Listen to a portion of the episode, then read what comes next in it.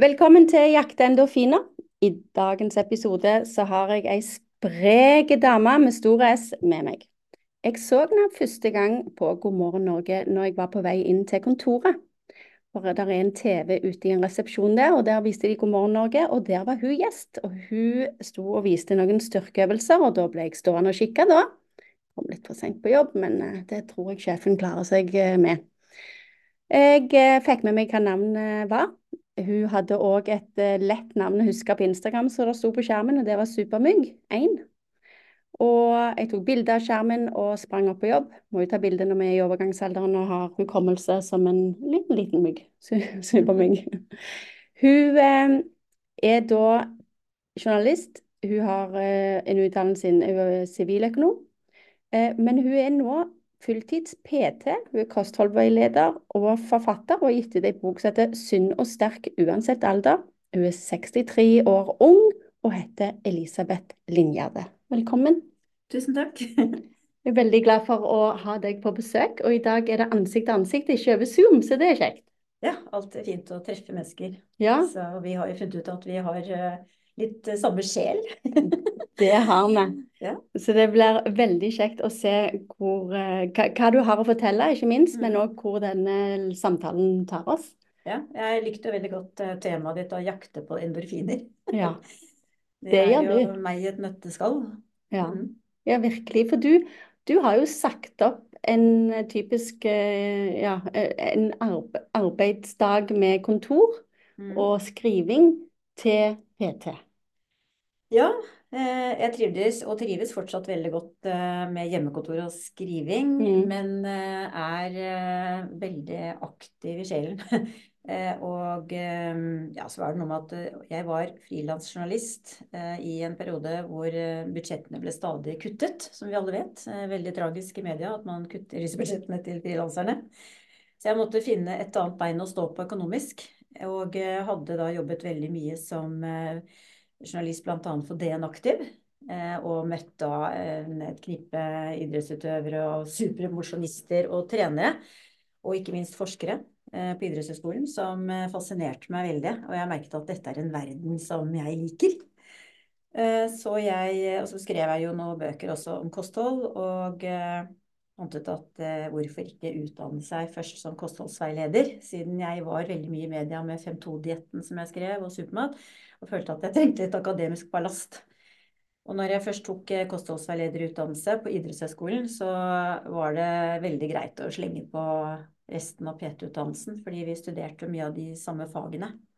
Og det tok jeg ved AFPT, og plutselig så befant jeg meg sammen med 25-åringer på treningsstudio hver dag, og digget det. Det er helt fantastisk. og det har aldri trodd at jeg skulle gjøre, men uh, der endte jeg opp. Ja. Mm. herlighet. Vi skal høre mer om hverdagen din og hva du ellers finner på på privaten. Eh, men kan ikke du fortelle litt hvordan du var som liten? Var du ei aktiv jente? Jeg tror jeg var ganske normalt aktiv, som alle var på 60-tallet. Jeg er jo så gammel. Mm. Eh, før man fant opp kjernekontroller og eh, eh, skjermer som man bar med seg. Eh, vi syklet, vi tok sparkstøtting til skolen, vi lekte ute hele tiden. Vi bygget snøhuler, og vi hadde en rekke morsomme leker i gata. Så jeg var normalt aktiv. Eh, jeg drev ikke med organisert idrett. Kommer fra en veldig akademisk familie. Eh, men far, en pappa, da, som dessverre døde Eller dessverre, han ble 94 ja. I 2019. Han og jeg var veldig mye på tur sammen. Vi gikk på skiturer, og vi gikk på skogsturer, og han gjorde meg veldig glad i naturen. Og så danset jeg ballett. Klassisk ballett. Og det ga meg et fantastisk grunnlag til å gjøre egentlig alt mulig annet etterpå. Men du er, fra, er du fra Oslo, eller er du fra Askaberg? Eh, jeg er født i Drammen, faktisk. Ja. Eh, og vokste opp på Lørenskog. Oh, ja, okay. mm. ja. ja, men da, ja, da, har du jo masse natur ja, deg. Det, var å uh, gå rett ut uh, i skogen i Østmarka, mm. som jeg ble veldig glad i. Og uh, nå bor jeg i Nordmarka, som jeg er veldig glad i. ja. Herlig. Så jeg er ikke noe skogsmenneske egentlig, men jeg er et naturbarn, kan man si. Mm. Jeg har alltid mm. vært veldig glad i naturen. Og vi hadde, har fortsatt hytte ved sjøen.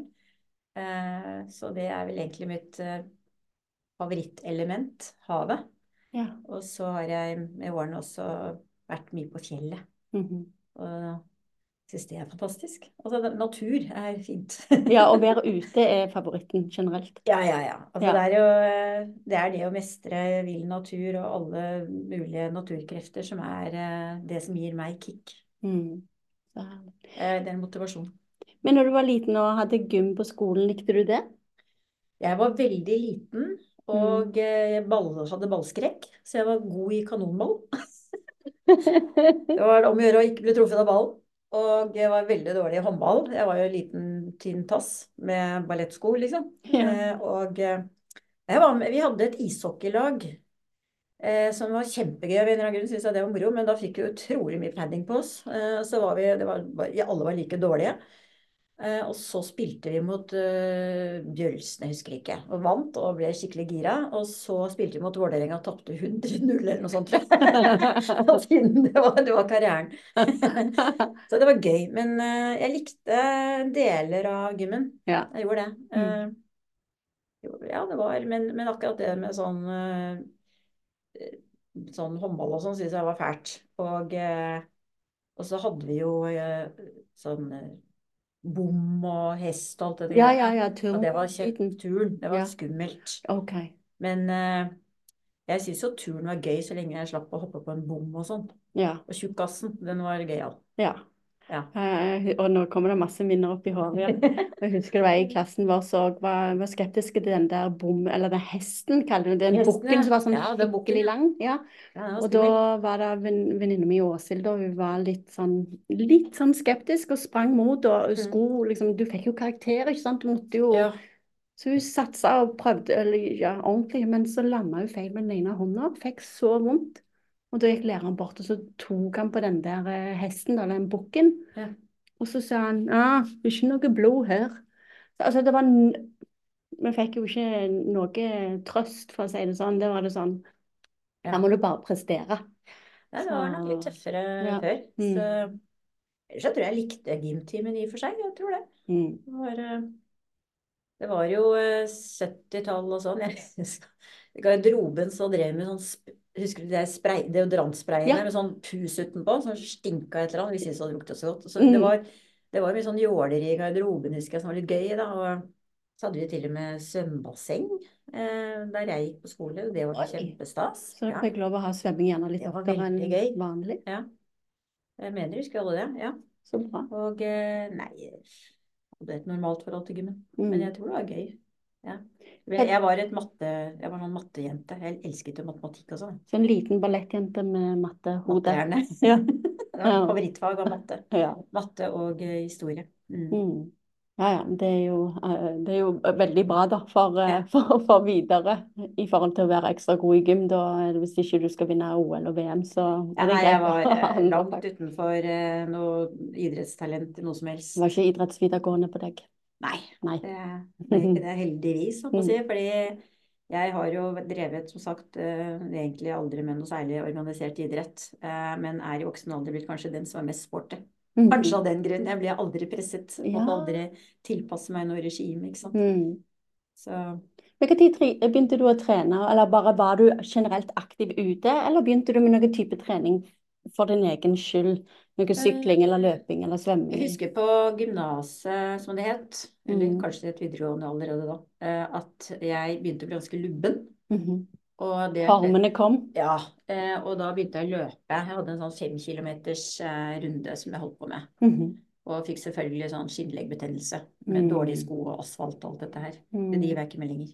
Jeg Løper bare i naturen. -hmm. Men jeg drev med det, da. Mhm. Eh, og så fortsatte med dansen og mye aerobics og sånn. Mhm. Det var jo Jane Fonda. Ja.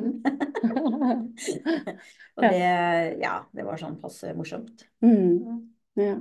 Og så tok du utdannelse og begynte å jobbe eh, eh, kontorjobber. Og, Mm. Men var du, var du journalist først, eller? Nei, jeg jobbet først eh, med salg, eh, nei først litt finans, og så var det mye salg og markedsføring. Mm. Eh, og så etter hvert så ble det mer og mer eh, ja, det, altså jeg var innom så mye rart. Eh, ramlet litt borti reklamebransjen, tekstforfatter, og så ble jeg mer eller mindre headhuntet da de startet TV 2 av Oi. Gerhard Telskog. Ja. Eh, og ble produksjonsleder i TV 2. Og det var jo kjempegøy å komme inn i media eh, med den fantastiske gjengen der. Med Vibeke Haug, som i dag er eh, NRK-sjef. Ja. Hun og jeg jobbet sammen. Jeg var produksjonsleder, da. Eh, og Nei, det var en veldig morsom tid med Dan Børge Åkerø som den store helten og fantastisk fyr, forresten. Og, nei, det var veldig gøy. Og så ble det etter hvert mer og mer Nei, så, så, gikk det jo faktisk nesten ad undas med TV 2. Eh, og de måtte si opp en haug av folk, og jeg var litt tregt ute med å fornye kontrakten min. Men så ble jeg fanget opp av eh, Ingress TV, som produserte på Tiden Ole Paus. Mm. det var rett og slett enda morsommere. Mm -hmm. var researcheren hans. Eh, altså, jeg liksom hadde ramlet godt inn i media, og så ble det mer og mer skriving. Eh, fordi jeg har alltid hatt en forfatter i magen. Så tror jeg Jeg vet ikke, det, jeg liker meg veldig godt bak kamera, men jeg er jo ikke noe utdannet noe lyd- eller lystekniker eller noe sånt nå. Så, men å sitte i regien og være i regien og jobbe som researcher, det syns jeg var dødsgøy. Mm. Eh, men skriving eh, Jeg drømte om å bli den store forfatteren. og ja. Så, ja, så, ble det bare skriving, mye mer skriving. Og det har jeg trives veldig godt med. Mm. Men du sa òg, for det, jeg nevnte jo den Synd og sterk uansett alder, men du mm. hadde gitt ut en kostholdbok òg? Jeg har gitt ut flere bøker. Ja. Ut. Først var det Supermat, som kom i 2006, var det vel, som ikke har noe med supermatbegrep som har med pulver og sånn å gjøre, men normal mat. Mm. Og så ble det 5-2-dietten. Uh, eh, og så et av, de, par, av de. Og så har jeg vært med på et par bøker bl.a. om Kraftmarkedet. Jeg har vært kokebokkokk for Kagge mm -hmm. et par bøker, bl.a. boken til Ole Petter Gjelle og uh, Tine Sundfør. Mm -hmm. 'Mat for hjernen'. Veldig, veldig fin bok. Jeg lagde all maten. og uh, hva mer jeg skrev? Jo, jeg skrev en barnebok, en fantasybok. Ja, jeg har virkelig gjort veldig dårlig research. Ja, ja nei, nei. Det er så mye å grave i at ja. jeg er gammel, så det er så mye greier. CV-en min er jo et eh, labyrint, jeg husker jo ikke halvparten sjøl. Men nei, den jeg skrev en Vi bodde i Dubai, jeg har reist litt rundt i verden og bodd rundt. Og eh, jeg bodde i Dubai og måtte ha noe å gjøre. Jeg var sånn expat woman. og ja. Da eh, hadde jeg en barnebok i skuffen som jeg fikk oversatt til engelsk og illustrert og det er en fantasybok. Det liker jeg veldig godt. Science fiction-ish, liksom. Ikke helt, ja, fantasy. Eh, så den er jeg veldig stolt av. Eh, ja. Dessverre ikke fått utgitt den i Norge, men jeg har fått veldig gode konsulentuttalelser på den. Ja. Eh, blant annet fra Jan, Jan Kjærstad.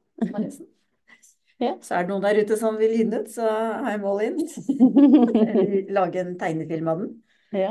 Den er ganske fargerik. Og så ja, så har det jo blitt uh, denne Sunn og sterk, da. Mm. Som jeg er veldig glad i. Og den kom ut i 2023? Kom ut rett før jul i, i høst. Å oh, ja, ok. Ja. Mm. Og det var VG som tok kontakt med meg på Instagram. Mm -hmm.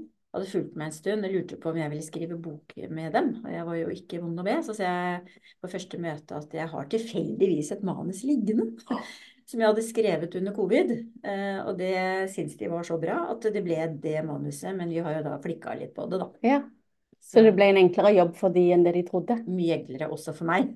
Ja, ja, for da fikk du gitt den ut. Ja, så ja. skriver helt ny bok. Mm. Ja, men så gøy.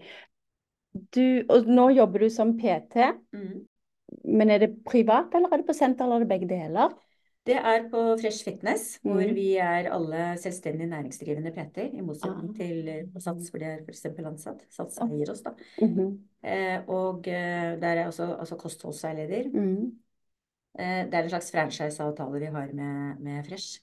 Så er jeg da også online-coach for strongbody.no, hvor jeg også er eh, selvstendig næringsdrivende. Så det er en veldig fin kombinasjon, fordi på et senter så kan jeg kun serve de som er i umiddelbar geografisk nære til meg. Mm. Eh, men som online-coach så når jeg jo hele Norge. Mm -hmm. Og det er veldig veldig mange i Norge som ikke ønsker å gå inn på et treningsstudio. Jeg tror det er 70% som kvier seg for det.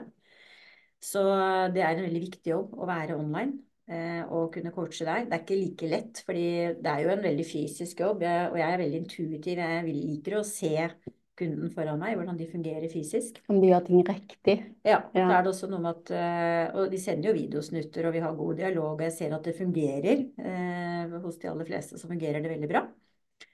Eh, men eh, når man er online, så det, det, det er veldig mye, mye, mer opp til kunden mm -hmm. å kommunisere ærlig. Ja. Mm. ja, ja, og ikke lure seg sjøl. Ja, Tror de lurer deg, og så er det seg sjøl de lurer. Ja, ja, og det er jo det, det som er kanskje det største problemet med folkehelsen i dag, er jo at dette handler veldig mye om følelser. Det med kropp og kosthold og trening. Og vi er verdensmestere i å lyve for oss selv. Altså ikke vi i Norge, altså mennesket Ja. ja.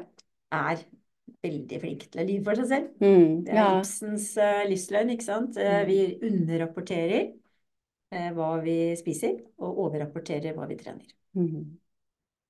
Herregud. Så Men er det sånn da at du, når du er PT på Fresh Fitness, er du da i salen med folk der, eller er det òg online? Det er bare fysisk til stede. Okay. Så jeg har eh, kunder, én-til-én-kunder. Men vi har også noe som heter small group, hvor vi tar tre til seks kunder sammen. Som mm. er en, en, et nytt produkt som er veldig bra. For eh, det er jo dyrt for mange å ha en PT, og en small group er billigere. Ja. Eh, vi tar eh, 1500 kroner for seks ganger. Eh, Hvis man er tre eller seks personer. Mm. Nå har jeg tre veldig søte damer, f.eks., som jeg trener samtidig. Mhm. Eh, og da får de sånn cirka de samme øvelsene, Mm. men de har litt forskjellige utfordringer. Så da er det f.eks. en som skal gjøre noe med strikk, mens de andre gjør den samme øvelsen med vekter, f.eks.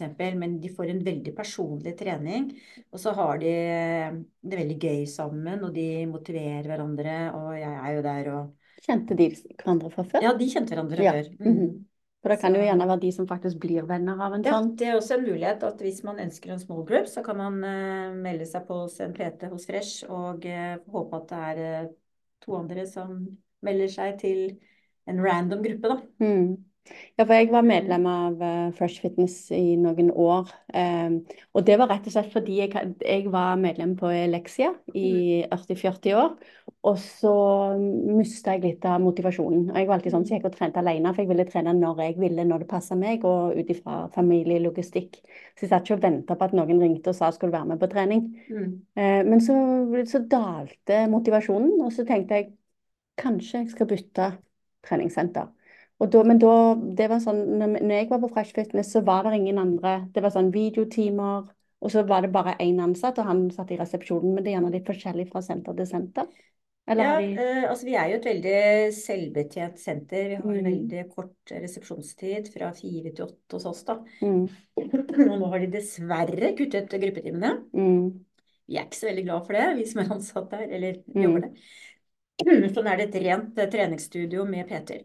Og et treningsstudio er jo eh, egentlig for viderekommende. Eh, vi har jo veldig mange nybegynnere som kommer til oss og vil ha sightseeing på apparatene. Så kan ikke du Senest nå i dag så var det en som lurte på om ikke han kunne få én time med meg. Så jeg, hva med, altså, jeg har gjerne en konsultasjonstime med deg. Nei, han vil gjerne bli vist noen apparater. Det er et veldig vanlig spørsmål, og da er det veldig vanskelig for meg å si det på en høflig måte at det gjør jeg ikke. Mm. For det Mm. første så bruker vi PT veldig lite apparater, og hvis vi bruker apparater, så er det i forbindelse med en økt hvor vi har gjort andre baseøvelser og styrkeøvelser først, og så har, for apparatet vil gjerne isolere, de isolerer muskulatur. mm, Eh, Og det gjør man når man skal finpusse en muskel eller drive seriøs bodybuilding. En nybegynner bør ikke begynne med apparater, eh, men eh, lære grunnleggende eh, tekniske baseøvelser Mm. som markløft, knebøy, benkepress, pushups, eh, ja, altså skulderpress. Eh, Grunnleggende, veldig enkle, men supereffektive øvelser. Og det er den aller beste måten å trene på for absolutt alle, er å bare stick to the classics, altså. Mm, Og folk som er meget godt trent, inkludert meg selv, det er det vi driver med hele tiden. Det er de klassiske øvelsene. Det er mm, intet nytt under solen. mm, Så kan vi sitte og flikke og flikke og flikke på mye forskning på hvor mange repetisjoner, i hvilken rekkefølge, eh, hvilket regime skal du ha, skal du ha et splittprogram på fem dager, på fire dager, altså det er der vi driver og flikker på ting. mm. Men det er, vi snakker hele tiden om mye, mye av de samme øvelsene. Så apparater, nja. Ja, ikke sant. Og for de som da er medlemmer og ønsker å bruke apparatene, så kan de jo se på de fine tegningene som er. Det går an å google ting. eh, Ja da, men som sagt, det, det blir liksom Det kan ha en effekt en liten periode. Når du er helt utrent, så vil absolutt alt hjelpe. mm, Eh, ja. Men så stagnerer du, Mm. eh, og du er nødt til å begynne å trene mer, mer målrettet og seriøst for å klare å stimulere muskulaturen din. For trening, styrketrening handler om å stimulere muskulaturen med stadig økende doser med eh, stimuli som må, som jo må komme på, ulike måter.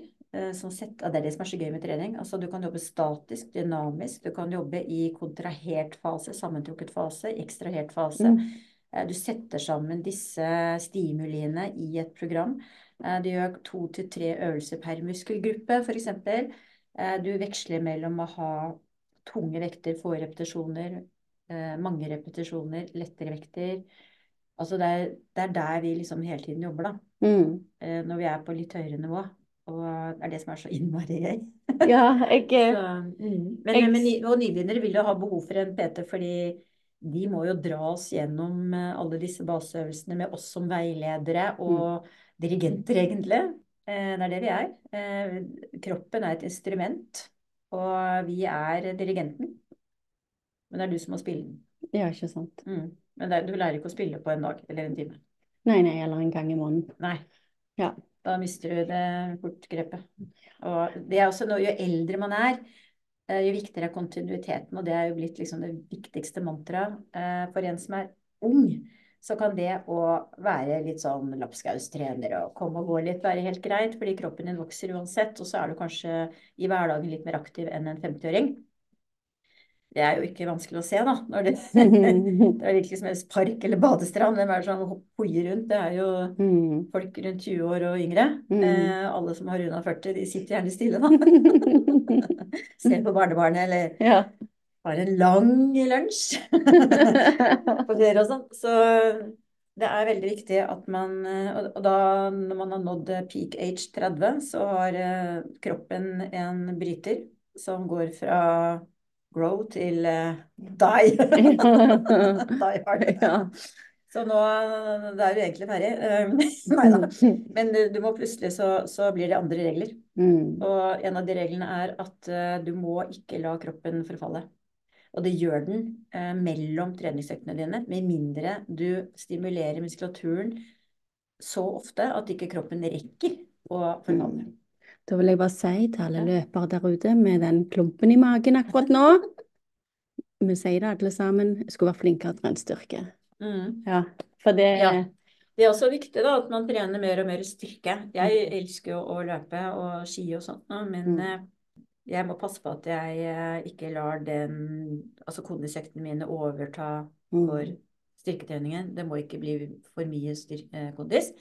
Løp heller kortere og mer intensivt. Mm. Går du på ski, så gyv løs på bakker. Og ikke ta de der kjempelange turene. Mm. Jeg gjør det, jeg, altså. Det er fordi jeg er så gira på lange turer innimellom, men ikke hele tiden. Så Jeg vet jeg er jo eh, maratonløper, og jeg vet at mange av de som løper, er det. Eh, jeg har iallfall ikke noen planer om flere ultra. Jeg har løpt det òg, men jeg, det begynner jo å bli litt tid siden. Men eh, da er det veldig sånn typisk at eh, i vinterferien, påskeferien, juleferien, da skal vi ha lange langrennsturer. Fordi at vi får gjerne ikke løpt når vi er på fjellet. Mm. Eh, så når du sier da gjerne ikke ut på de lange, men det er jo, det er jo ofte det vi liker, å være ute lenge. Eh, og nå starter jeg på et nytt maratonprogram nå eh, 1. januar. Eh, men heldigvis i det programmet så ligger det jo inne òg da styrketrening. Mm. Så jeg meldte meg jo inn igjen på et treningssenter, sånn at jeg får gjort det. Og ikke minst nå med minus 20 grader, og da er det greit å ha et senter og en mølle å løpe på. Så jeg, eh, jeg håper at jeg nå kan eh, legge til en vane. Sånn, nei, jeg skal, sorry, jeg håper ikke på, jeg skal legge til en ny vane.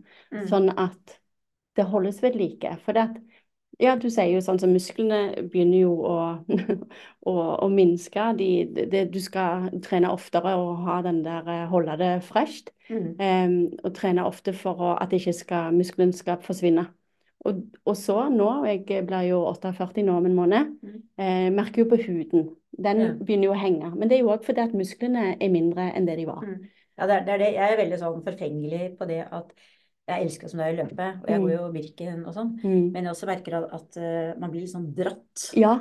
Og muskler er jo for, Altså, du kan ikke gjøre noe med huden, dessverre. Nei. Det blir liksom et nummer for stor. Ja. Løsningen er å bygge den eh, Altså dytte inn, inn noe underfra. Ja. ja. Du kan eh, i stedet for Botox og silikon, så anbefaler jeg muskler. ja, ikke sant? Jeg... Litt sunnere, og det har du mye mer glede av. Så det, det å bygge muskler blir å fylle ut den huden. Ja, ikke sant? ikke sant? du blir fastere i fisken. Du, men da må du tåle å legge på deg litt. Men det er jo veldig mye penere å være litt mer atletisk muskuløs oh, ja. med glatt hud enn sånn, eh, Daff. Sånn ultratynn, eh, sliten ultraløp. Men når det er sagt, altså jeg skrev jo så mye morsomme artikler for DN Aktiv og en forskningsgruppe eller en forsker fant ut at folk som løper mye, altså, de lever jo veldig lenge. Mhm. Eh, Så det er veldig sunt på en måte. Eh, Og det skyldes at du har noe som heter telomerer. Har du hørt om det? Nei. Det er eh, DNA-et ditt er jo en sånn matrix, ikke sant? Og den er jo, disse trådene er jo festet i hver ende, akkurat som plasten på en skolisse. Mhm. Det er telomerer. Og så skjer det noe som heter telomerase, eh, som gjør at Nå husker jeg kanskje litt feil, men det er i hvert fall et enzym, da Ja. som, eh, som gjør at eh, etter hvert som du blir eldre, så vil den plastgreia på den skolissen, den blir kortere og kortere. Og når den er veldig liten, eller ikke er den mer igjen av, så går jo hele DNA i oppløsning. Det er slik en celle dør. Ja. Rynket hud er jo døende celler, døde celler, ikke sant. Og når man løper mer enn en time, så viser det seg at da skjer denne telomerasen, eller det mulig jeg sier litt feil, men da skjer Ja. det noe som gjør at denne skolisseplasten, den beholder lengden. Aha. Og de forsket da på en eh, gjeng eh, med birkebeinere. Ja. De løper jo mye og langt. Mm. Og jeg fikk gleden av å besøke disse gutta, eh, mange av dem. De har en egen sånn tirsdagsklubb eh, som møtes oppe på Holmenkollen. Eh, de løper hver for seg, da, på ski. Eller går på ski. Og så møtes de til eh, kaffe og badstue og sånt nå etterpå. Fy søren, for en herlig gjeng. Det er den morsomste gjengen jeg har intervjua. Jeg traff de flere ganger sammen med fotograf. Og eh, de var så stolte av kroppen sin. De ble invitert inn i badstuen og sånn. Vi måtte Ja, ja. oss vekk. Men det sant, de, vi snakker 80-åringer, altså. Ja. 80-90. De var jo muskuløse og flotte og spreke og tjoho, ikke sant. Ja. Skikkelig partyboys. Og eh, de hadde jo overlevd sine koner alle sammen. Og de hadde giftet seg med yngre koner. Det gjorde man jo før. Så Ja. de, eh, mange av de var enker. Enkemenn. De levde mye lengre enn eh, kvinner i sin generasjon. Og yngre. Så de var eh, beviset på at eh, mye kondisjonstrening vil også Mm. forlenge livet. Ja, for det, det har jo du det, for På Instagram så skriver du det der, og det gjør du sikkert i boka òg, det der med at eh, du må trene deg sterk nå, Ja. sånn at andre ikke trenger å ta vare på deg seinere. Ja, det, det er noe jeg prøver å si litt ofte nå, fordi jeg merker at eh, en del av mine kunder, eh, som er kvinner eh, 50 pluss, eh, Mm. de eh, finner ikke tid til å trene. Eh, For de klarer ikke å prioritere det, fordi de føler at de må ta seg av mann og barn og alt mulig annet rart. Altså, er, 50 pluss, ja, altså. Ja. også 40 og 50 pluss. Ja, Altså, ja. de liksom har gått inn i omsorgsrollen, som mange kvinner gjør. Og det er jo Mm. flott. Men problemet er at eh, Og, og så kommer barnebarn. ja. Og jeg har venninner selv, jeg, som nå er altså hønebestemødre. Au pair, nesten. Ja. Ja. stiller opp veldig, Ja. ikke sant? Og det er superflott, men det går jo på bekostning av egenpleie da, hos Mm. Så i hvert fall når de sier at nei, jeg rekker ikke å trene for det har vært ditt og datt med barn og barnebarn og sånn. Men altså, hvis ikke du tar vare på deg selv nå Og det er jo, de er jo snille og greie på tilbudssiden, men det blir for mye. Mm. Prøv å, å overlate litt mer til mannfolk. da. Det er Mm. Jeg bor nemlig rett ved en svær parkeringsplass for eh, utfarts... eh, hva heter det for noe sånn uh, turgåere. Mm. Og hvem er det som kommer der? 2000 stykker på en god lørdag. Det er jo menn i kondomdress i sin beste alder. Og hvor er mor og barn? Ja. Parkert hjemme. Ja. Uh, og det er mulig de har parkert seg selv frivillig, men uh, jeg tror mange har- føler at, uh, at de må liksom ta seg av barn, fordi mannen bare Han har bare bestemt seg for å prioritere trening, da. ja, ja, han har tatt det eller man har fem unger på, i barnehagealder hjemme, så Ja. skal han ut og trene. Ja, det Jeg møter dem jo på Løvelia, menn i de sin beste alder. mm. Og det er meg og 90 menn, liksom. Ja. Mm. Så jeg tror det er en liten kjønnskamp der ute. Ja, ja, og at damer må, må prioritere seg sjøl litt òg. Ja, og kunne likevel gi tid til barn eller barnebarn, men etter de har trent. Ja, eller ta med seg ungene. Og det, det også så jeg under covid, at eh, jeg som bor i Marka, at det plutselig så, så det, fikk vi det vi kalte koronastier. Det som var sånne litt gjengrodde stier, ble jo highways. Mm. For der kom det familier og besteforeldre med barn og sekk og fiskesteng. Stenger, og det, og det var telting i alle kriker og krukker, holdt på å si. Så da var det en massiv eh, utfart. Ja, jeg bor jo rett med Kolterstoppen, og da det òg var helt vilt. Og da ble det jo til at vi heller kjørte vekk andre plasser. Ja, ikke sant? Fordi at eh, vi, vi fikk jo nesten ikke puste. Uansett om jeg ikke tok turistveien, som jeg kaller det Ja. da. Det var så mye folk. Men det var jo kjempeflott for de da. At da Ja, kom de og- seg ut, ut i marka. Og hvorfor ikke nå fortsette med det å ta med Det er det jeg har gjort med mine unger, da. At jeg Mm. var jo den mammaen som jeg sa jeg er utemamma, ikke innemamma. Jeg Mm. eh, drar ikke inn hos dem med barna med mindre jeg må. Eh, Jeg er ikke noe særlig glad i sånn lekeland og sånt noe. Eh, Eller kafeer med barn. Det er bare mas. Mm. Men ta med barna ut, og gjerne utenfor eh, løyper. Altså, barn elsker jo å dra på oppdagelsesferd. Og jeg eh, er veldig glad i sånne scooterkjørte løyper, og grunnen til at jeg fikk mine barn til å gå på ski, var at vi, jeg gikk ut i disse scooterkjørte løypene, eller tråkka løype, og så, og så på, til fots, og så sa jeg nå tror jeg at jeg har gått meg vill. Det sa jeg med vilje, da. Fordi da blir det spennende, vet du. Ja. Da blir det kjempespennende. Ja. Mm. Så Så jeg tror vi må på en topp for å se hvor vi er. Smart! Kjempesmart. Det Ja, det, var, den likte jeg. Å, jeg, jeg klarer Så de ble ekstremsportutøvere, de gutta mine. Ja. Den ene er nede og klatrer nå i Hellas, og den andre driver og surfer i Marokko akkurat nå. Mm. herlighet. Så de har det så gøy. De gjør bare masse morsomme greier. Hvor gamle er de? Eh, 27 og 25. Ja. Herlighet. Og det, er det jobben deres? Nei, nei, nei, han ene er, driver med finans eller forsikring, forsikringsagent, forsikringsagent, og den andre er datakonsulent eller dataprogrammerer. Ja, så de, Men, de eh, liksom fri Veldig aktive i eh, fritiden, da. mm. Og eh, har eh, eldstemann er konkurrert i friskill, jibbing. Ja. Eh, og eh, yngstemann er jo blitt en veldig habil sportsklatrer. Jeg, eh, jeg bare tenker nye gjester i podkasten, Ja. annen idrett å bli, bli kjent med og få ut der. Klatring er spennende, altså. Ja. Og surfing. Altså, de er på sånn ordentlig surfing, da. Og har gjort det også på norskekysten og uh, hvor ellers har han vært og surfet da? Uh, det er noe han har bare plutselig begynt med. Og, og, og han Ja. jakter også, er mye på Ja. jakt. Og ja, de driver med Altså, de er jo veldig aktive. Så gøy. Kjempegøy. Men det, for, forhåpentligvis, det er jo sånn at eh, vi håper jo at ungene det der, ser hva jeg gjør. Men Ja. jeg vil jo gjerne høre at de skal høre hva vi sier òg. Men eh, det er jo kjekt når ungene blir aktive og tar vare på kroppen. Ja, det Mm. er, eh, og det smitter over på alt mulig annet. At de er veldig trygge på seg selv. eh, Mm. De har gode venner. eh, Det er et Mm. godt miljø. Mm. Eh, Det er ikke noe rus. Altså, vi drikker jo litt øl og sånn, Ja, men ja. eh, du kan ikke drive med dop når du skal henge en fjellvegg, Nei. eller ta en eh, trippel, altså. Nei. Og det bare kom jeg på nå, eh, det der med tryggheten i seg sjøl. Jeg husker når jeg fikk PT første gangen, når jeg var medlem på Leksia, så, var, så spør han PT-en da hva er målet ditt, hva er det du ønsker? Og jeg ville ha definerte armer. Det var Ja. liksom målet mitt. Og jeg husker den Tina Turner-filmen med hun Angela Bassett i hovedrollen. Ja. Og så tar hun hånda opp i et skap for å ta et glass, og så når du tar hånda ned, så bare ser du den muskelen, den fine båten. Det var, det var så flott. Og så tenkte jeg sånn hadde jeg bare sjekket at Men jeg ble jo så ivrig, vet du, at jeg eh, gikk jo på en smell og ja, ble litt skada litt sånn. Men det som er rart, da Jeg, eh, jeg fikk barn nummer to, og så tenkte jeg så kjente jeg at jeg hadde tatt en sånn mageoperasjon hvor de Mm. tar litt fettsuging og fjerner love handles og litt sånn Mm. og rydde opp etter øh, fødsel, da. Ikke at jeg visste eksakt hvordan hun så ut, men hun ble iallfall veldig fin. Mm. Eh, så tenkte jeg det kunne jo vært noe. Så gikk jeg til en lege da for å høre hva dette kosta. Gikk ut og bare ikke faen om jeg skal bruke så mye penger på noe så teis. Jeg trener heller tre ganger i uka istedenfor to. Og så tror jeg ikke det gikk mer enn fire-fem måneder. Mm. Tenkte ikke mer på at jeg ikke likte magen etter fødslene. Mm. Eh, og begynte å trives mer med den jeg var. Ja. Altså det er jo altså blir, Du blir tryggere, og så etter hvert så begynner du jo å være med flere venner, eller få med venner som begynner å trene. Mm. Sånn som disse tre damene du har. Ja, sant? Og så blir det jo da til at det blir den nye livsstilen din. Mm.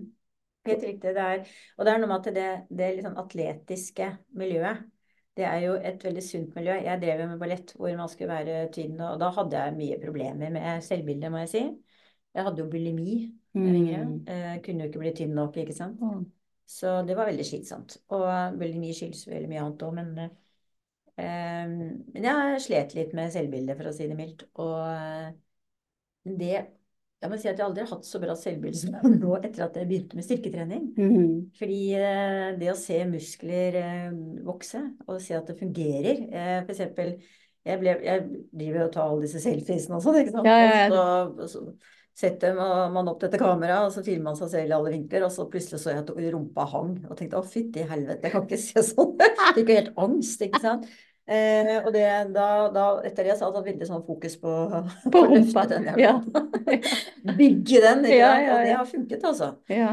Så nå, nå, nå begynner jeg å se, ser noen hysteriske influenser som skal Men, men jeg, jeg syns at Instagrammen din er så kul, fordi at de, de aller fleste, iallfall de jeg har snakket med om det Altså, ja, vi har bursdag hvert år, men i hodet så har vi en annen alder. Ja. Altså, jeg er 30 fremdeles. Mm. Eh, og, og min farmor sier hun er noen og 30, hun òg, men hun er jo 97, snart 98. Eh, og da kan du gjerne få litt sånn Oi, er det sånn? Eh, og så når du da om, Du omgås jo mange unge som, som både trener og sikkert jobber på sentrene òg, så, så glemmer du sikkert ut at Ja. du er Ja, man, man blir 60. veldig påvirket av de man er sammen med. Ja. Eh, og eh, jeg pleier å si at eh, jeg er veldig 25 i hodet, men jeg er også 60. Så Mm. det er bare at det er 60, og vi tenker kronologisk. Det vi egentlig gjør, er at vi, vi er hele tiden litt sånn i ring. At eh, vi blir eldre, men vi har hele tiden følge av den yngre oss. mm, Så 25-åringen har jo hele tiden følge med 60-åringen, og det er en veldig fin kombinasjon. mm. For når 25-åringen tar litt av, så kommer fornuften. og 60-åringen sier at det nå er det kul litt, slapp av litt av, ro deg litt ned der. Ja. Det er så farlig. Ja, ja, ja. Eh, Det er, ikke sant, verden går ikke under, så det er veldig deilig da. Det er det som er fint når man blir eldre. Mm. Eh, Men med da en 25-årig stemme som fortsatt eh, høres og er der. Det er Mm. viktig at man ikke demper den, som jeg tenker mange gjør da. Og jeg Mm. tror det å trene og være aktiv gjør at man beholder den unge stemmen. Mhm. Eh, og det er viktig. Og jeg er også reiseleder for, eh, på Elvecruise fire-fem ganger i året. Det er jo veldig mye rart. Det Ja. har jeg gjort siden 2015, og da har jeg eh, sånn 75-90 år gamle gjester Ja. som jeg er sammen med da en uke. Er Sånn 24-7, ikke akkurat det, men Ja. frokost til middag. Altså Du var nettopp på en sånn, for vi prøvde jo å sette en dato tidligere. Ja, så da var du på ja, Ja. var jeg, jeg er Ja, du var i Bordeaux. Bordeaux og Mm. i, eh, i, eh, i Rån, på eh, Mm. Burgund. Mm. Eh, og jeg har møtt også de mest fantastiske mennesker. Dette er jo en generasjon som snakker sammen uten å bruke mobilen. Mm. Ja. Du ser ikke mobilen. Og de har mange historier, mange anekdoter. Og eh, jeg syns jo de blir friskere og friskere og sprekere og sprekere. Det tror jeg de er også. Eh, fordi jo, altså, det er flere av de cruisene jeg gleder meg til måltidene, for jeg har det så gøy. Og det er så interessant, og jeg føler at jeg kunne vært bestevenninne med flere av dem. Mm. Det er blant annet en dame på 80 år som bare slo meg helt Så tenkte jeg guri, jeg har bare lyst til å være venninne med henne, liksom. Hun Mm. er 80, liksom. Men du kan gjøre sånn som Linn Skåber, vet du. Hun har jo venner i all slags aldre. Ja. Hun har jo 90-åringer og 19-åringer. Ja, ja, nei, jeg- det, hun var bare helt rå, altså. Hun Ja. er også en veldig spennende dame som har drevet med alt mulig rart. Ja. Eh, Hun både pianist og fjellklatrer og psykiater og matematiker. Herlig. Nei, og, og jeg har truffet eh, også kvinner som forteller Altså, de har gjort kjempekarriere veldig tidlig. Vært banebrytende. Jeg traff, hadde annet en kunde som fortalte at det var hun som sto bak eh, et lite stykke Norge. Reklamekampanje no. til Freia. Og Kvikk Lunsj. Og jeg bare tok bølgen, ikke sant. Ja. Fantastisk. Ja. Og hun så okay. ikke sånn ut, liksom. Nei, nei. Ja, og så at det var ei dame, var jo kjempekult. Ja, ikke sant. Sånn. Men hun var, en hun var den første markedsdirektøren til Freia. Som var kvinne. Ah. Nei, det var, jeg får jo sånne mennesker som, eh, med meg, da, og det er jo Mm. fantastisk. Mye norgeshistorie, mye historie. Jeg har hatt med meg eh, lærere, sykepleiere, veldig mange av dem. Og jeg hadde en gang eh, fire venninner som var 80 pluss, som hadde jobbet sammen i mange år som lærere. Og eh, de får seg på kabinen. Og så kom de ut da, til middag og var skikkelig sånn fnisete. Og så ser de at jeg sitter liksom i, i mitt, på mitt lille kontor sammen med cruise manager da, i, i resepsjonen der. Og så ser de meg, og så må de liksom ta seg sammen. Da. Og da tenkte jeg nå har rollene snudd om på det. Her er- kommer lærerne liksom tar seg sammen for hun lille eleven. jeg sa det var så herlig å se. De var, da var de 25 år, altså. Ja. De hadde vorsa. Da var det den som kom fram. Herlig. Men du, en ting som jeg leste litt, og som du òg har eh, foran på, på boka di òg, er biohacking. Ja. Kan ikke du fortelle litt om det? Jo, det er jo i likhet med begrepet supermat, så er det et begrep som plutselig dukket opp eh, for å beskrive eh, noe som har med helse og sånn å gjøre, og så plutselig noen tar og utnytter litt. For å si det sånn, biohacking er egentlig eh, å bare bruke alt man har av kunnskap i dag Mm. innen kosthold, livsstil og trening for å liksom hacke biologien, eh, bremse aldring, i beste fall reversere den. Det er det biohacking helt nøytralt er. Men så er det jo da blitt business, da. Mm. Og særlig i USA så er jo biohacking nå blitt uh, et begrep som omfavner en del ting jeg ikke vil stå for. Mm. Eh, som kan være litt sus suspekte metoder for å se yngre ut og bli yngre, da. Ah, så ikke på den naturlige eh, måten. Nei, og det er mulig det funker eller ikke funker. D2 var det vel, hadde en svær artikkel nå nylig hvor de fant en uh, multimilliardær i USA som er blitt veldig kjent for at han bruker millions på å hver eneste dag eh, bli gjort masse prøver av, og han gjennom masse behandlinger, han konsulterer en haug med leger og sånn, for at han skal være så ung som mulig i kroppen. Og det, det blir mye sånn Frankenstein over det. Mm. Og, men jeg ønsker jo å bruke dette begrepet biohacking eh, og ta det uh, for med det hard, den harde naturmetoden som er veldig fin og effektiv, nemlig styrketrening og utholdenhetstrening. Og jeg skrev faktisk til D2, og så sa jeg jeg har lest den artikkelen, men jeg savnet spørsmålet fra journalisten. Har, kan disse menneskene som dere har intervjuet, bevise Mm. at de har styrke og utholdenhet som er veldig mye yngre enn dem selv. For det for meg er beviset. Du kan ikke bare si at jeg er yngre enn det jeg ser ut som fordi jeg har fin hud eller jeg tar de og de bildene. Mm. Du kan være full av Botox og ja, Mm. kalle det biohacking. Mm. For meg er beviset at løp fortere enn en 25-åring. Løft mer jern enn en 25-åring, så skal jeg snakke. Mm. Da er det biohacking. Ja, stilig. Ja, og det, det du får ikke det, Du forsker på en pille som skal liksom erstatte trening, men jeg tror ikke det funker, altså. Nei, jeg får ikke håpe det. Nei, det tror jeg. Ja. Ja, ja, ja. Ja, og så tenker jeg at vi vil jo De aller, aller fleste av oss på denne jordkloden vil jo leve så lenge som mulig. Og så er det jo Noen er fornøyd med det de har, mens noen vil passe på at de får det best mulig og, Mm. og er den beste versjonen av seg sjøl. Er interessert og, og nysgjerrige på, på, på nye ting og prøver noe bare for hva kan jeg gjøre for å Mm. være frisk, da. Alle vet jo hvor vondt, kjedelig og grusomt det er å være syk, eller gjerne ha vondt i hodet, da. Så har vondt i hodet i tre dager på rad og ikke er vant med det, så tenker du herlighet, så li, li, livet er så deilig uten. Ja. Altså, det må vi jo òg tenke med trening. Ja, jeg, jeg tenker veldig mye på helse. At ikke, jeg har ikke egentlig lyst til å bli 120, for da er det ingen andre jeg kan leke med. Ja. Da blir ja. meg og Keith Richard. Ja, ja. Men, Og, og noen nye PT-er på et eller annet sted. Men det er det Altså, jeg har jobbet med Den CV-en min, som sagt, er ganske svær. Jeg har jobbet bistand og på sykehus og på eldresenter og sånn, og sett så mye sykdom og Ja. lidelse. Mm. Og kjenner jo folk som lider. Og kronikere, eh, de snakker ikke så mye om sykdommen sin, men de, det er mange der ute som ikke du ser det på, men som går rundt med store smerter. Mm. Eh, og de har det veldig vondt.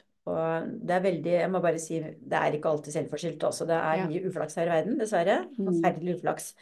Men veldig mye kan vi forebygge med trening og kosthold og holde oss slanke. Mm. For overvekt er også roten til veldig mye vondt.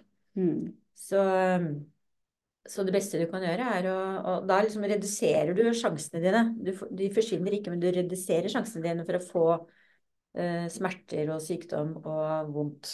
Mm. Det er ikke det å bli så gammel som mulig jeg vil, men jeg vil ha det bra. Ikke sant? Ja. Og den dagen jeg ikke har kropp til å gjøre så mye, så kommer jeg til å rømme inn i litteraturen og musikken og kunsten. Den Mm. er jo fantastisk. Og eh, da kan man glede seg over den. Mm. Men da uten smerter, heldigvis. Ja, ikke sant. Ja, for det er jo sånn som Så- de bestemødrene mine, da, så har begge Mm. passert 90, eh, både mormor og farmor. Og begge de to sier at de skulle ønske det var liksom utløpsdato på 90. Mm. For nå begynner det å gå litt sånn liksom De vet at de er gamle, og alle Mm. andre rundt de har dødd.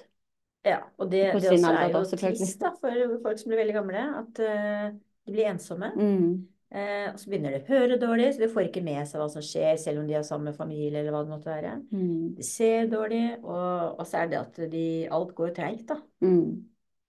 Ja, og så har gjerne ikke folk så mye tid til de ja, som de skulle ønske, og er som ensomme. Jeg anbefaler cruise, da. Ja. det er ikke noe for meg egentlig sånn privat, men som reiseleder er det veldig gøy. For jeg ser, vi hadde annet en fyr fra England en gang med oss. Dette er små cruisebåter på elver. Veldig hyggelig. Alle blir kjent med alle hvis de vil.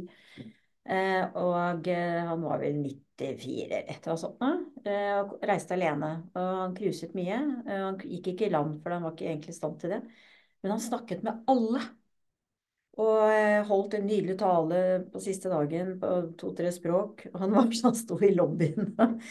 Did I ever tell you when I danced with Queen Elizabeth? Han full av historier, sånn Ja. humor og anekdoter, ikke sant. Så han koste seg, altså. Ja, ja, ja, ja det, der er, jo- der er jo litt av de der historiene som går til om de som brukte hele har de seg trygt å si til Kruse. pensjonen sin til å reise på cruise. Ja. Mm. ja. det anbefaler jeg. Heller det enn et sykehjem. Ja. Av de som lytter på, som gjerne ikke trener, eh, som går tur, det er trening det òg, men som ikke trener styrke hjemme, Mm. eh, som er litt interessert i å trene styrke og bli litt sterkere. Mm. Ser du noe som går igjen, som kan være gode råd for at det skal bli gjort enkelt? Altså, var det et ekte spørsmål? Eh, Det er ikke lett å svare på. Altså, jeg- altså, jeg har ja, den small-gruppen, selvfølgelig. Mm. Eh, jeg vil bare si at få en PT, fordi den generasjonen hadde jo ikke trening da de vokste opp. Mm. Altså, man drev jo ikke med det. Jogging begynte man med på 50-tallet, tror jeg. Mm.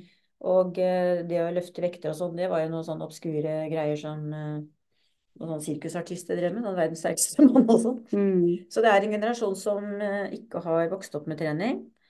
Eh, spesielt ikke styrketrening. Nei. Og som virkelig trenger det, og får stort utbytte av det. Og jeg føler at det er en av mine viktigste jobber som influenser, er å vise hvor ekstremt viktig styrketrening er, og hvilke resultater du kan få. Mm. Så, eh, og jeg har jo kunder eh, på Fresh da, som er 70-80 år, og som eh, kvinner som har eh, tatt helt av og er i skottrommet, altså der du driver med tung styrketrening, etter at jeg har trent dem litt, og så får de med seg andre, så det er smitteeffekt. Ja. Og det er eh, superbra, så de må bare tørre å Altså jeg ser de er veldig forsiktige, er veldig redde, Mm. fordi de er ikke vant til dette her. Så min jobb som PT er å liksom lure dem litt. ja, ja, men gjøre dem komfortable med Ja, Husk, dette er ikke farlig, Husk må de bare tørre å gå inn Ja. døra. Ja, og Og men de eldre er ikke så opptatt altså De er ikke så redde for å komme inn, kanskje, men de er redde for, de er redde for å skade seg. De er redde, og noen av dem er jo benskjøre. Jeg har jo hatt folk i beinpressen som har, trykk, har fått buktrykk som har gjort at de har brukket et litt Åh. bein. Altså det høres veldig farlig ut, det er ikke farlig, og de er liksom vant til det. Mm. uh, vi må bli litt robuste som Peter, da. Uh, Mm. Nei, det er eh, Det skal jo ikke skje, eller det skjer av en sjelden gang. Men uh, når det er sagt, styrketrening er ekstremt bra for beinskjøre. Vi Mm. har jo en eh, verdensmester, eller var er europamester, verdensmester i eh, styrkeløft, som er 67 år eller sånt nå. Hun begynte fordi hun var beinskjør. Nå er hun jo verdensmester. Løfter jo sjukt mange kilo. Så kult. Ja, det er dødskult. Hører du det, mamma? Du fikk jo eh, tre kilos eh, handler til jul. Tre kilos, det kan du bruke til skulder. Ja, Skulderhev, ja. Men ikke noe. Nei, hun fikk eh, Biceps bakover eller noe. Ja. Mm. Så um, Ja, det er for smått.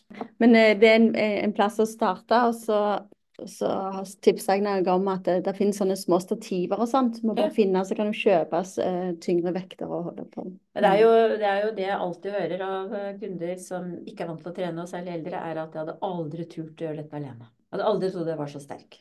Ja. ja, det er nok eh, smart å, å få hjelp og vite at du gjør det riktig når du holder Ja. på, sånn at eh, det, det skjer noe. Ja, jeg vil jo si at det er eh, nesten umulig for en eldre person å trene styrke uten PT. Da er du tidligere idrettsutøver eller noe sånt i tilfelle. Men eh, det, det er liksom, man får liksom inntrykk av at eh, trening er noe alle kan drive med. Mm. Det er det jo egentlig, men samtidig er det ikke så lett hvis du skal få resultater. Eller ja, hvis du skal få ordentlig utbytte av det, Ja, ikke det, det bare er den sånn gode piano, følelsen pianospilling, eller som sagt, eller eh, eller liksom gå inn på et uh, restaurantkjøkken og be Hellstrøm vise deg kjøkkenet og apparatene, og så skal du liksom viske opp Ja. Så skal du være puls etterpå og lage mat uten å egentlig Ja, ha fått det- det gått, gått alle sesongene? Ja, nei, det gjør gjerne ikke det. mm. Ja. I sommer så så jeg video av deg på Instagram hvor du hink, altså du satte opp mobilen og filma, og så hinka du rundt. Og så Ja. gjorde du styrkeøvelser. Hva, hva var det som skjedde? Ja, det er å bare vise at eh, det er alltid noe du kan gjøre. Eh, altså jeg skadet meg eh, sånn helt idiotisk, sklei på et svaberg, og så vrei jeg foten skikkelig rundt. Jeg vet ikke akkurat hva som skjedde, for jeg fikk aldri tatt en MR. Jeg mener det er skikkelig bortkasta penger. Jeg fikk i hvert fall ikke Fikk konstatert at det ikke var brudd, men det var nok en kraftig Overtrakk. altså, Ikke overtrakk, men vridning som gjorde at jeg nok rev av et par sener, eller veit hva det var. Men det hovnet fryktelig opp. Eh, Så det var ispose eh, en halvtimes tid eh, den kvelden, og så var det sånn Ibux-gel et par. Jeg er veldig sånn restriktiv mot alt av medisiner. Hvorfor behandle hele kroppen? Derfor tar vi på krem. Ja, ja. Ja, jeg tok i hvert fall på Ibux i løpet av én uke, da. Så Mm. tok jeg litt smertestillende Ibux, og så var det bare å hinke rundt med støttebandasje og noen krykker jeg fikk låne. Mm. og trene med en gang jeg kunne gjøre et eller annet. Jeg var jo livredd for den rumpa mi som hadde begynt å bygge, da. Så da bare Hvordan kan du trene rumpa? Herregud. Så eh, Nei, det var eh, fine alle mulige Det var strikk, og det var kettlebell, og det var ditt og datt. Og så har jeg en eh, kollega i Strongbody som er lege, og så Mm. tok jeg heldigvis kontakt med For jeg var på innom en sånn legevakt. Og, og hun sa at jeg ikke skulle trene, og så tenkte jeg jeg kan ikke høre på det. Ja. Altså, da, jeg sa, da tenkte jeg nei, det, det, det øret har jeg ikke lyst til å høre på. Og så tok jeg og konsulterte lege nummer to, nemlig min strongbody coach-kollega. Mm. Kristin Woe, som også er eh, taekwondo-utøver og sånt noe. Så hun sa bare kjør på. Og det gjorde jeg. Gudskjelov. Ja. For jeg, eh, jeg var livredd for at jeg kunne aldri løpe igjen og sånn, for det var skikkelig vondt og jævlig, og fikk ikke på meg støvler, ingenting. Mm. Jeg hoppet rundt med Jeg hadde sånne Birkenstokker, da. Ja. Nei, men jeg, jeg gjorde alt jeg kunne på treningsstudio til smertegrensen. Og det var nok veldig lurt. Og det er også mitt uh, budskap da, når folk kommer til meg og sier at jeg kan ikke trene, jeg, for jeg har vondt i skulderen. Bare sånn, what? det Ja. jobber vi rundt. Ja. Ja. Eller jeg har skadet meg histen og pisten. Men altså, Det kan jo faktisk bli bedre av trening. ja, ja, absolutt. Og spesielt sener og sånt. Nå gror veldig sakte, men mye bedre når de blir trent. Det er jo rehab-regel nummer én, er at du må holde kroppen varm med trening. Mm. Da, da, da gror det raskere. Det blir raskere heling. Eh, Det sier jo alle leger og fysioterapeuter og alt. Mm. Kjør på. Eh, Men det er veldig vanskelig å fortelle folk eh, hvor smertegrensen er. For den må de kjenne selv. Mm. Og det er selvfølgelig ting du ikke skal gjøre. Sånn, sånn brå, voldsomme stikkesmerter, f.eks. Men det fikk jo jeg lære da når jeg hadde denne foten. Så merket jeg jo selv hva kan jeg gjøre og ikke gjøre. Og så hender det at du kanskje gjør noe du ikke skal gjøre. Og så blir du satt tilbake kanskje en uke. Men det er det verdt. Mm. For eh, det, man må ikke være redd for det. Uh, og det, det jeg var mest redd for, var å tråkke over igjen, eller noe sånt Ja, ja, ja, jeg å løpe. Så Mm. jeg var litt forsiktig. Men det som skjedde da, var at jeg brukte jo venstrebeinet så mye at jeg fikk jo litt overbelastning i Jeg sliter litt med den i hoften. Ja. Men, men det går over. Alt går over. Og de fleste som trener mye, har jo et eller annet gående. ja, så kan du gjøre noe annet. Jeg hadde Ja, ja. Alltid noe du kan gjøre. Ja, ja, i sommer så hadde jeg eh, først eh, akilles. Mm. Eh, da sykla jeg og svømte, for jeg hadde en triatlon i august. Så dette var jo juni. Og så, etter triatlonen, så var det hamstring. Så da tok jeg det Jeg tok det bare litt med ro. Og, og, og gikk og løpte, gikk og løpte, og ja. Så Nei, det, det er jo det som funker, da. Og som sagt, jeg også har jo hadde en ulykke i Alpene en gang hvor jeg ufrivillig backflip med Ja. Oi! Eh, Det var en veldig forstrukket muskel, gjorde jævlig vondt. Men da, Ja. da ble det skøyting på ski når jeg kom hjem. Det, fant, det funka, jeg kunne ikke gå vanlig på ski, men jeg fikk klart å skøyte. Altså, og jeg, jeg kunne sykle Ja. da snøen smeltet. Mm. Uh, det er liksom, du finner alltid noe. Ja, altså jeg tror at så lenge du har lyst til å, å holde deg aktiv, så, så er det jo en eller annen løsning. Ja, man må være litt sånn løsningsorientert, og det er der veldig mange igjen liksom Jeg har jo kunder som er veldig åpne bøker, og det, det er veldig kule kunder, for de sier selv at 'jeg tror dette er psykisk', 'jeg vet jeg er engstelig, jeg vet jeg er sånn og sånn', og så snakker de liksom høyt til meg. Og det er utrolig lærerikt for meg, og det er veldig betryggende for dem, fordi de vet at når de forteller meg alt som skjer oppi hodet på dem, så kan jeg si ja, men da gjør vi ikke det, eller du kan fortsette. Mm. Ikke sant? Mm. Så det er den mest spennende grunnen jeg har. Jeg hadde en i dag som er sånn. Og, eh, og så gjør hun plutselig ting hun trodde ikke hun kunne og sånn. Ja, for hun hadde en sperre. Ja, hun vet jo selv, eller hadde mistanke om det selv. Mm. Og nei, det er- er flere sånne episoder som mange PT-er kan fortelle om. De hadde kunder som jeg hadde på PT-studiet, så fortalte en av foredragsholderne at han hadde en kunde som sa at han hadde ikke kunnet bøye ryggen på mange år pga. en bilulykke eller et eller annet sånt. På et eller annet tidspunkt så, så mistet han noe på gulvet, PT-en. Så bøyer fyren seg ned og henter det. Og så sier PT, men har, du kan jo bøye ryggen, du. Oi! Ja, ja. altså, det, det blir sånn Det var en psykologisk sperre Ja, og det er mange som har sånt nå. Eh, på grunn av den stygge ulykken. ja, og jeg har et annet ordtak jeg har lært av en cowboyfilm. Ja.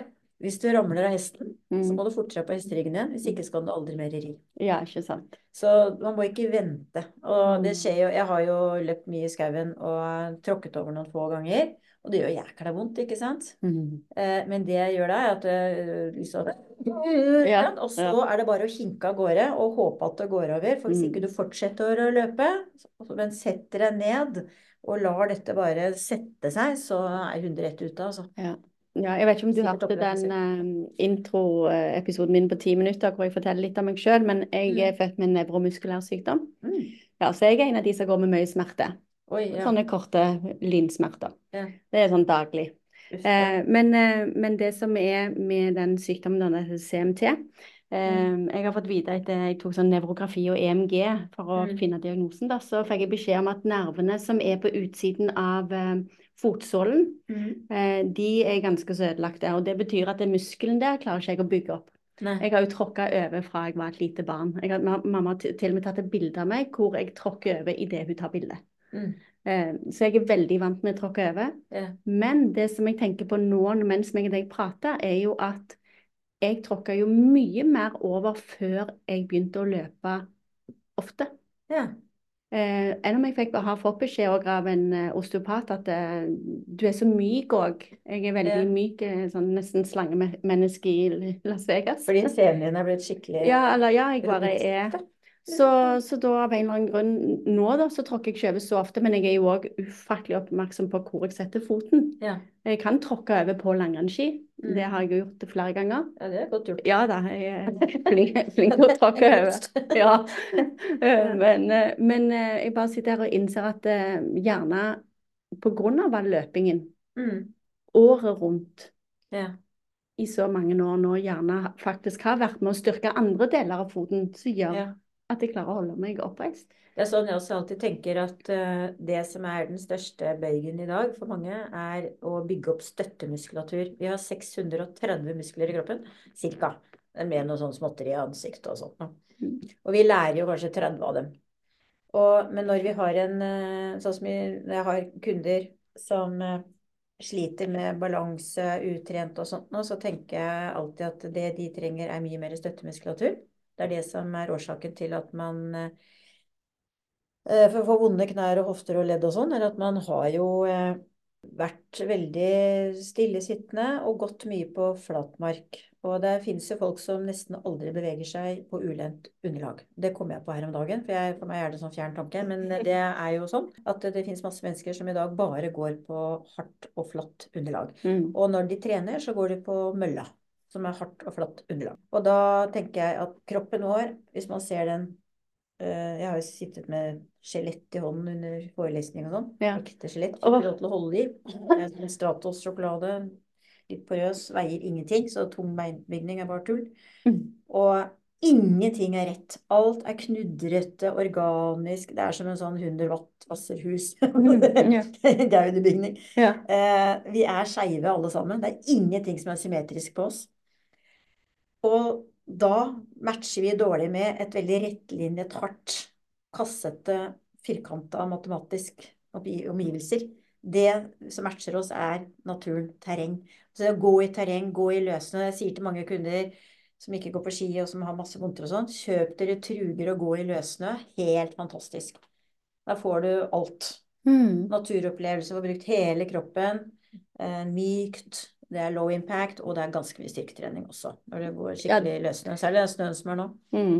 Og, eh, så det beveger seg mest mulig i omgivelser som matcher kroppen. Det mm. usymmetriske altså Dette med, med veldig mye fokus, og du må trene helt riktig og helt riktig teknikk. Nei, det fins ingen perfekt teknikk, for det fins ingen perfekte kropper. Det fins ingen kropper som er like. Mm. Men det er klart du skal ha god teknikk, men perfekt, glem det.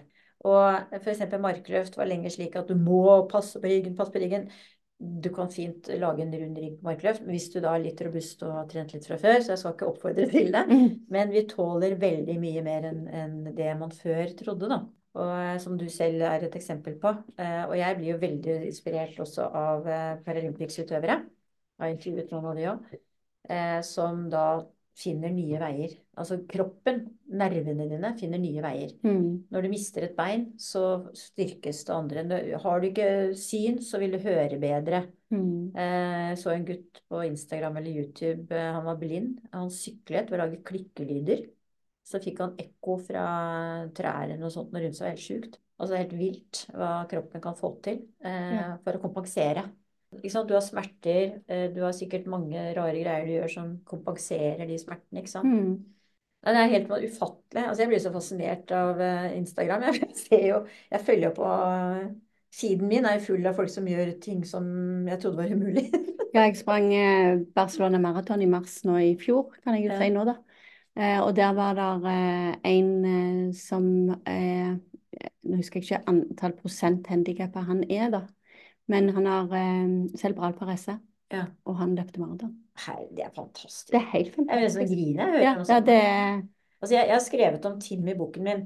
Eh, han gikk jeg på PT-studio, han første jeg traff. Mm. Han eh, var, eh, er 21 høy og født benskjør, så 500-600 brudd i kroppen fra han var liten. Oh.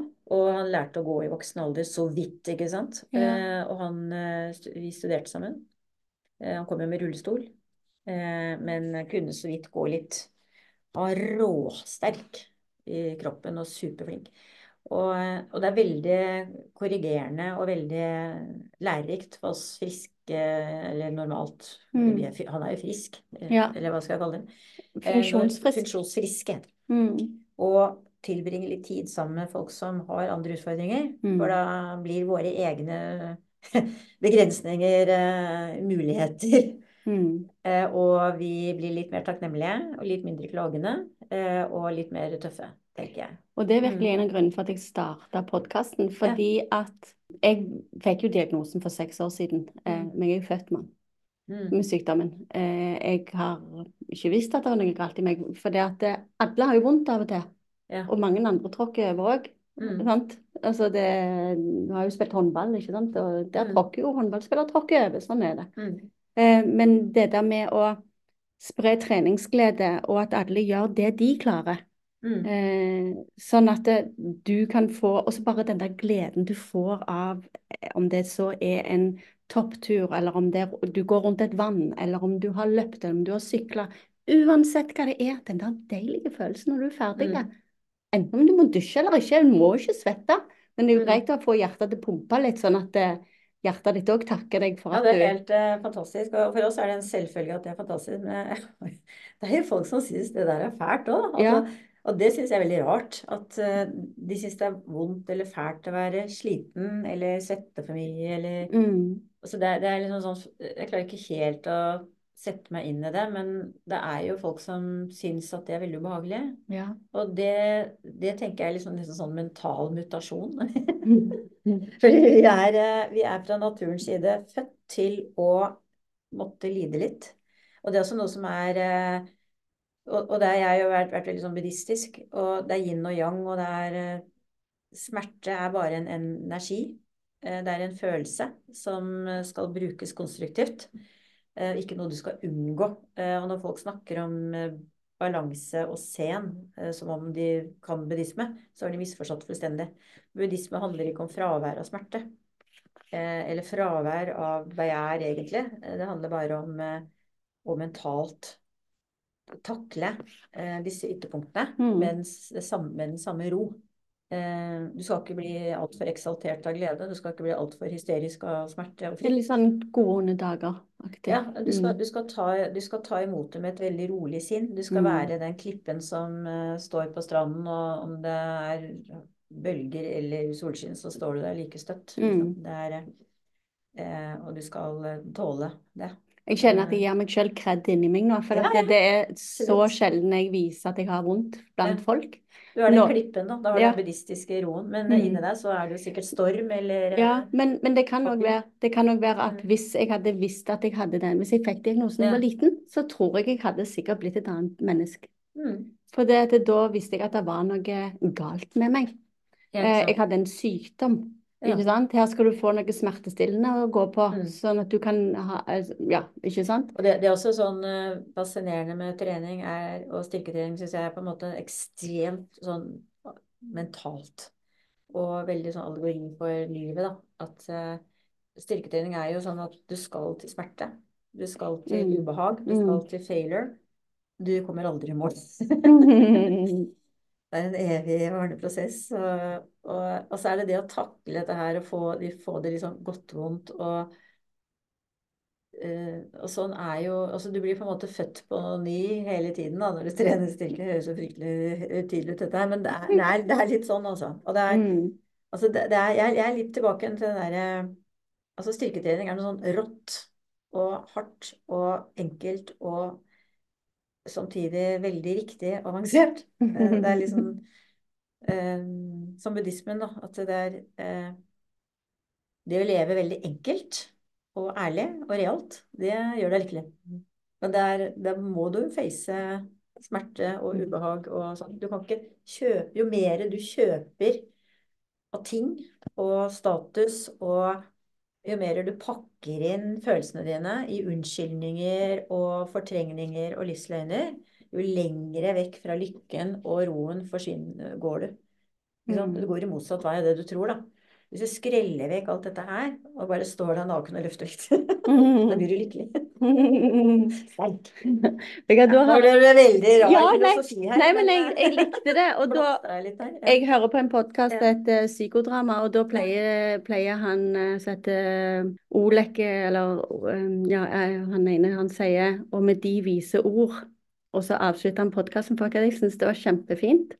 Eh, Jeg eh, gleder meg til å følge eh, deg videre på Instagram. Jeg skal selvfølgelig lese boka, og jeg Mm. kommer til sikkert gå tilbake igjen og lese nye ting, og kommer til å plage alle vennene mine med det.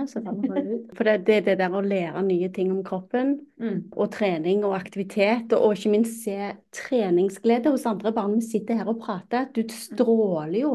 Så tusen takk for at du ville være gjest i podkasten. Tusen takk for at jeg fikk komme. Har vært, vi har jo kjempekjemi, så Ja. som jeg sa, det er eh, sjele, to sjeler som er Nå Ja, har jeg fått litt av din historie òg. Jeg må Ja. si at jeg beundrer deg veldig. tusen takk. du er jo tøffere enn meg. Seriøst. Ja, det er du også. Ja, nå kjenner jeg jeg ble litt rørt inni Ja, meg, men ja, tusen takk. Vi eh, ses plutselig igjen, det er jeg sikker på. Eh, og... Bare spørre meg igjen hvis det ja, ja, ja. du har noe. Uten tvil. Og hvis dere har lyst til å sjekke ut Elisabeth på Instagram, så heter du da supermygg1. Eh, og eh, ja, du sa tidligere òg du var jo en liten mygg, så det er vel gjerne derfor. Jeg glemte å spørre Ja, nei, jeg skulle bare ha et navn på bloggen min som het Aktiv over 50, men da forsvant jo alle under 50. Ja, ja, Og så ble det bare foreslått Supermygg. ja, Fant Ja, det er fantastisk. ja. Og det måtte bli Supermygg 1, for det er en som hadde tatt navnet Supermygg, som Ah. slenge på rett tall. da. Ja. Ja. Ja, men det er kult, da. Det er kjekt å ha sånn. Så gå gjerne inn på Instagram og søk opp Supermygg1, så, så finner du Elisabeth der. Jeg vil takke alle som har hørt på episoden. Del gjerne episoden med noen du kjenner som gjerne trenger å høre episoden, eller noen som bare blir ekstra gira for å høre. Eh, og ellers så kommer det en ny episode ut neste uke. Eh, ta gjerne og lik, abonner på podkast-appen du bruker. Så høres vi.